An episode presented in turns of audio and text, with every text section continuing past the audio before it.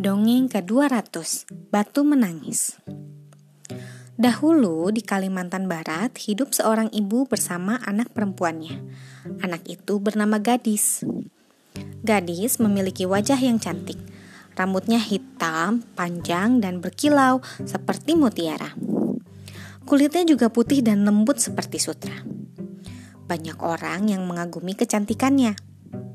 Setiap hari kegiatan gadis hanya bercermin Alangkah cantiknya diriku.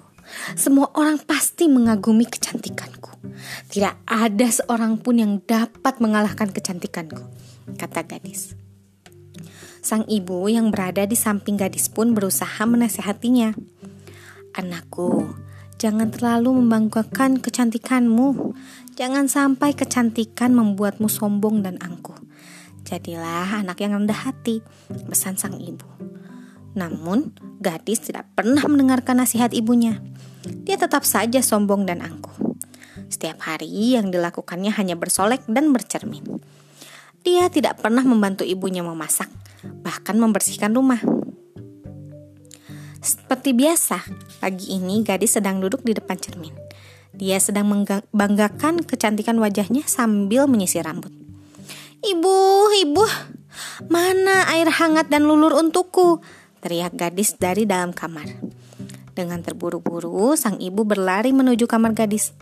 Maaf nak, ibu belum sempat menyiapkan air hangat dan lulur untukmu. Hari ini pekerjaan ibu sangat banyak. Tadi ibu harus ke ladang untuk memetik sayuran, jawab sang ibu. Ibu banyak alasan. Ibu kan tahu aku harus selalu merawat kulitku agar tetap sehat dan cantik, kata gadis ketus. Kenapa kau tidak mencoba membuatnya sendiri saja? Jangan selalu mengandalkan ibu, Nak. Kini kau sudah dewasa, nasihat ibunya. Aku tidak mau. Aku sibuk, jawab gadis.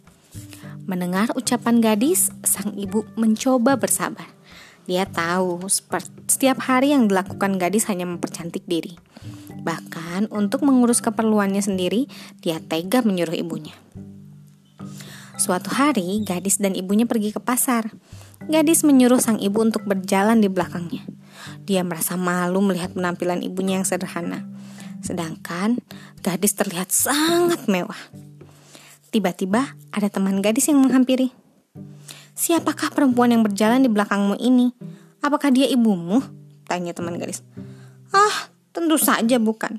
Bagaimana mungkin dia ibuku? Lihatlah, dia sangat sederhana, berbeda denganku yang sangat mewah dan cantik. Dia hanyalah pembantuku, jawab gadis. Mendengar ucapan gadis, sang ibu merasa sedih. Dalam hati, sang ibu berdoa. Dia memohon agar Tuhan mau menghukum anak yang sombong itu. Ternyata Tuhan mengabulkan doa sang ibu. Suatu hari, gadis sedang bersolek di kamar. Tiba-tiba tubuhnya kaku dan tidak bisa digerakkan. Gadis pun berteriak memanggil ibunya dengan panik. Ibu, ibu, kenapa tubuhku tiba-tiba kaku begini? Aku tidak bisa bergerak, kata gadis ketakutan. Sesampainya di kamar, sang ibu keheranan melihat anaknya yang tiba-tiba kaku. Tapi dia tidak bisa berbuat apa-apa. Semakin lama tubuh anaknya semakin kaku dan keras. Awalnya kakinya menjadi keras, kemudian tangannya, punggung, dan seluruh badannya juga ikut menjadi keras. Ketika lehernya mulai keras, gadis menyadari kesalahannya. Dia selalu bersikap sombong dan sering menyakiti hati ibunya. Dia pun meminta maaf pada sang ibu. Ibu maafkan aku. Aku sangat menyesal telah menyakiti ibu, kata gadis sambil menangis.